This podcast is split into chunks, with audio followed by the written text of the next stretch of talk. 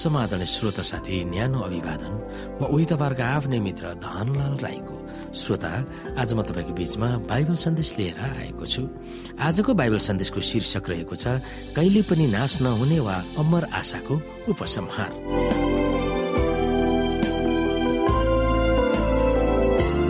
श्रोत साथी। प्रभुलाई विश्वास गर्ने वा उहाँमा निष्ठावान हुनेहरूको जीवनमा धेरै निराश र हतोसाहको भूमिमा पर्नुपर्ने नै हुन्छ। शोक सन्ताप र नैराश्यता तिनीहरूको खुराक नै हुन पुगेको हुन्छ। आफ्ना सन्तानलाई प्रभुले अझै माया गर्नुहुन्छ र हित चाहनुहुन्छ भन्ने धारणालाई विश्वास गरिराख्न कठिन पनि हुन सक्छ। त्यस्तो विषम परिस्थितिमा मरे पनि हुन्थ्यो भन्ने जस्ता डरलाग्दो मानसिकताले तिनीहरूलाई सताउन सक्छ। त्यस बेला प्रभुमा भएको तिनीहरूको पकड खुस्किन पनि सक्दछ।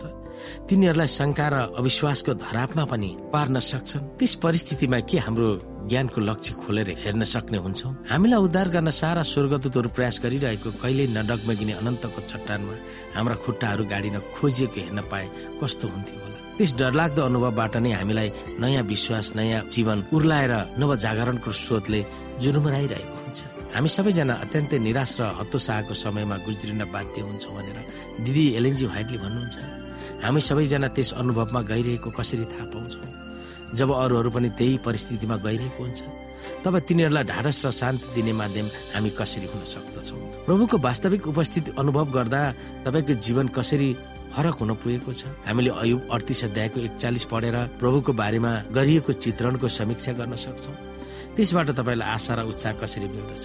त्यस परिवेशमा साबतको अवधारणा कसरी मिल्न सक्दछ? प्रभुको स्वभाव र चरित्रको बारेमा साबतले तपाईँलाई कसरी ठिक चित्रण गरिराख्न सहयोग गर्दछ?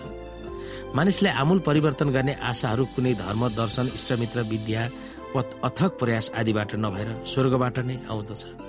तपाईँको दिमागमा कोही होला जो आशाको जीवन ढलमलिरहेको होला उसको लागि प्रार्थना गर्न सक्छौँ। आशासँग भिडिरहनेहरूको निम्ति तपाईँले के गर्न सक्नुहुन्छ? कोही यस्तो व्यक्ति छ जो दुःख कष्टमा प्रभुलाई त्याग्न नै पुगेका थिए?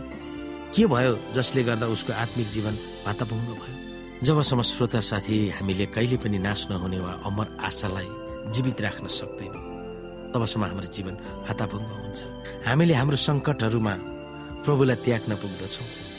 हामीले आउने परीक्षाहरूदेखि हामी भाग्न चाहन्छौँ। तर मित्र बाइबलमा लेखिएको छ तिमीहरूले सहन सक्ने बाहेक अरू परीक्षामा उहाँले पर्न दिनुहुने छैन। तर हामीलाई केही कष्ट भयो केही समस्या भयो भने हामी प्रभुलाई त्याग्दछौँ। हामी परीक्षामा पर्दछौँ। हामी परीक्षामा पास हुन सक्दैनौँ। हाम्रो बानी बानी व्यवहार चरित्रहरूको कारणले हामी असक्षम भइरहेका हुन्छौँ। त्यसो हुँदाखेरि हामीले हाम्रो आशालाई जीवित राख्न सक्दैनौँ। र त्यो आशा अमर हुन सक्दैन। जबसम्म श्रोता साथी हामी हाम्रो अमर आशा राख्नको निम्ति लागि पर्छौँ तब हामी प्रभु येशुलाई विश्वास गर्छौँ। उहाँको भरोसामा हामी हिँड्छौँ र उहाँको चाललाई हामी पछ्याउँदछौँ। त्यसो भयो भने हाम्रो आशा अमर रहँदछ।